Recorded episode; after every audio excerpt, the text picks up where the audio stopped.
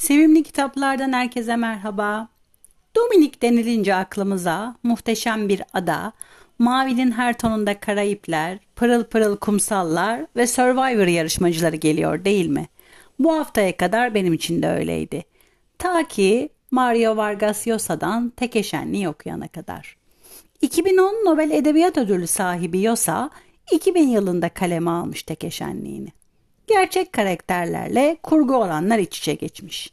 1930-1961 yılları arasında ülkeyi yöneten diktatör Rafael Leonidas Trujillo Molina'nın son günü, geçmiş hatıraları ve 35 yıl sonra ülkesine dönen Urania Cabral'ın ülkesi babasıyla hesaplaşması arasında mekik dokuyor yazar.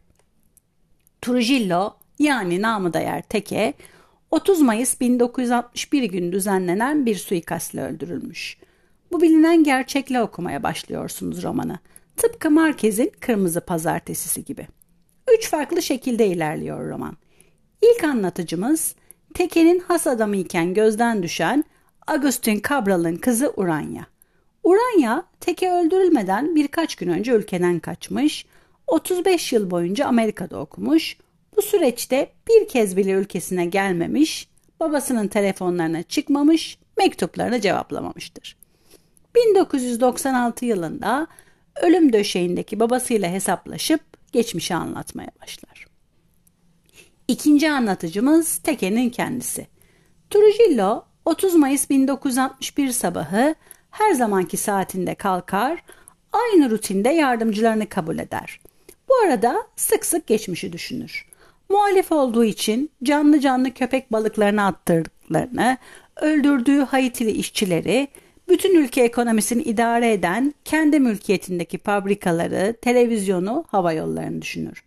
En son 17 yaşında bir genç kızı yatağa atmak için arabasıyla yola koyulur.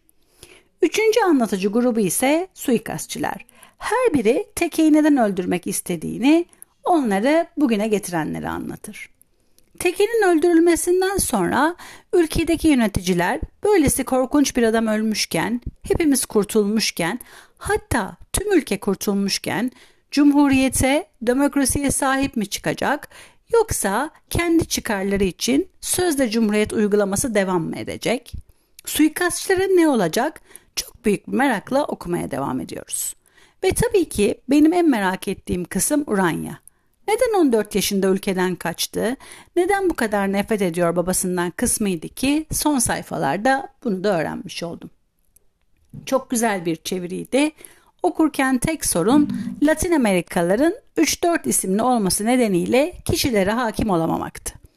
2023 yılına iyi bir eserle başlamış olmanın mutluluğu içinde sürçülisan ettimse affola diyorum. Bir başka yazar, bir başka kitapta görüşmek üzere. Hoşçakalın.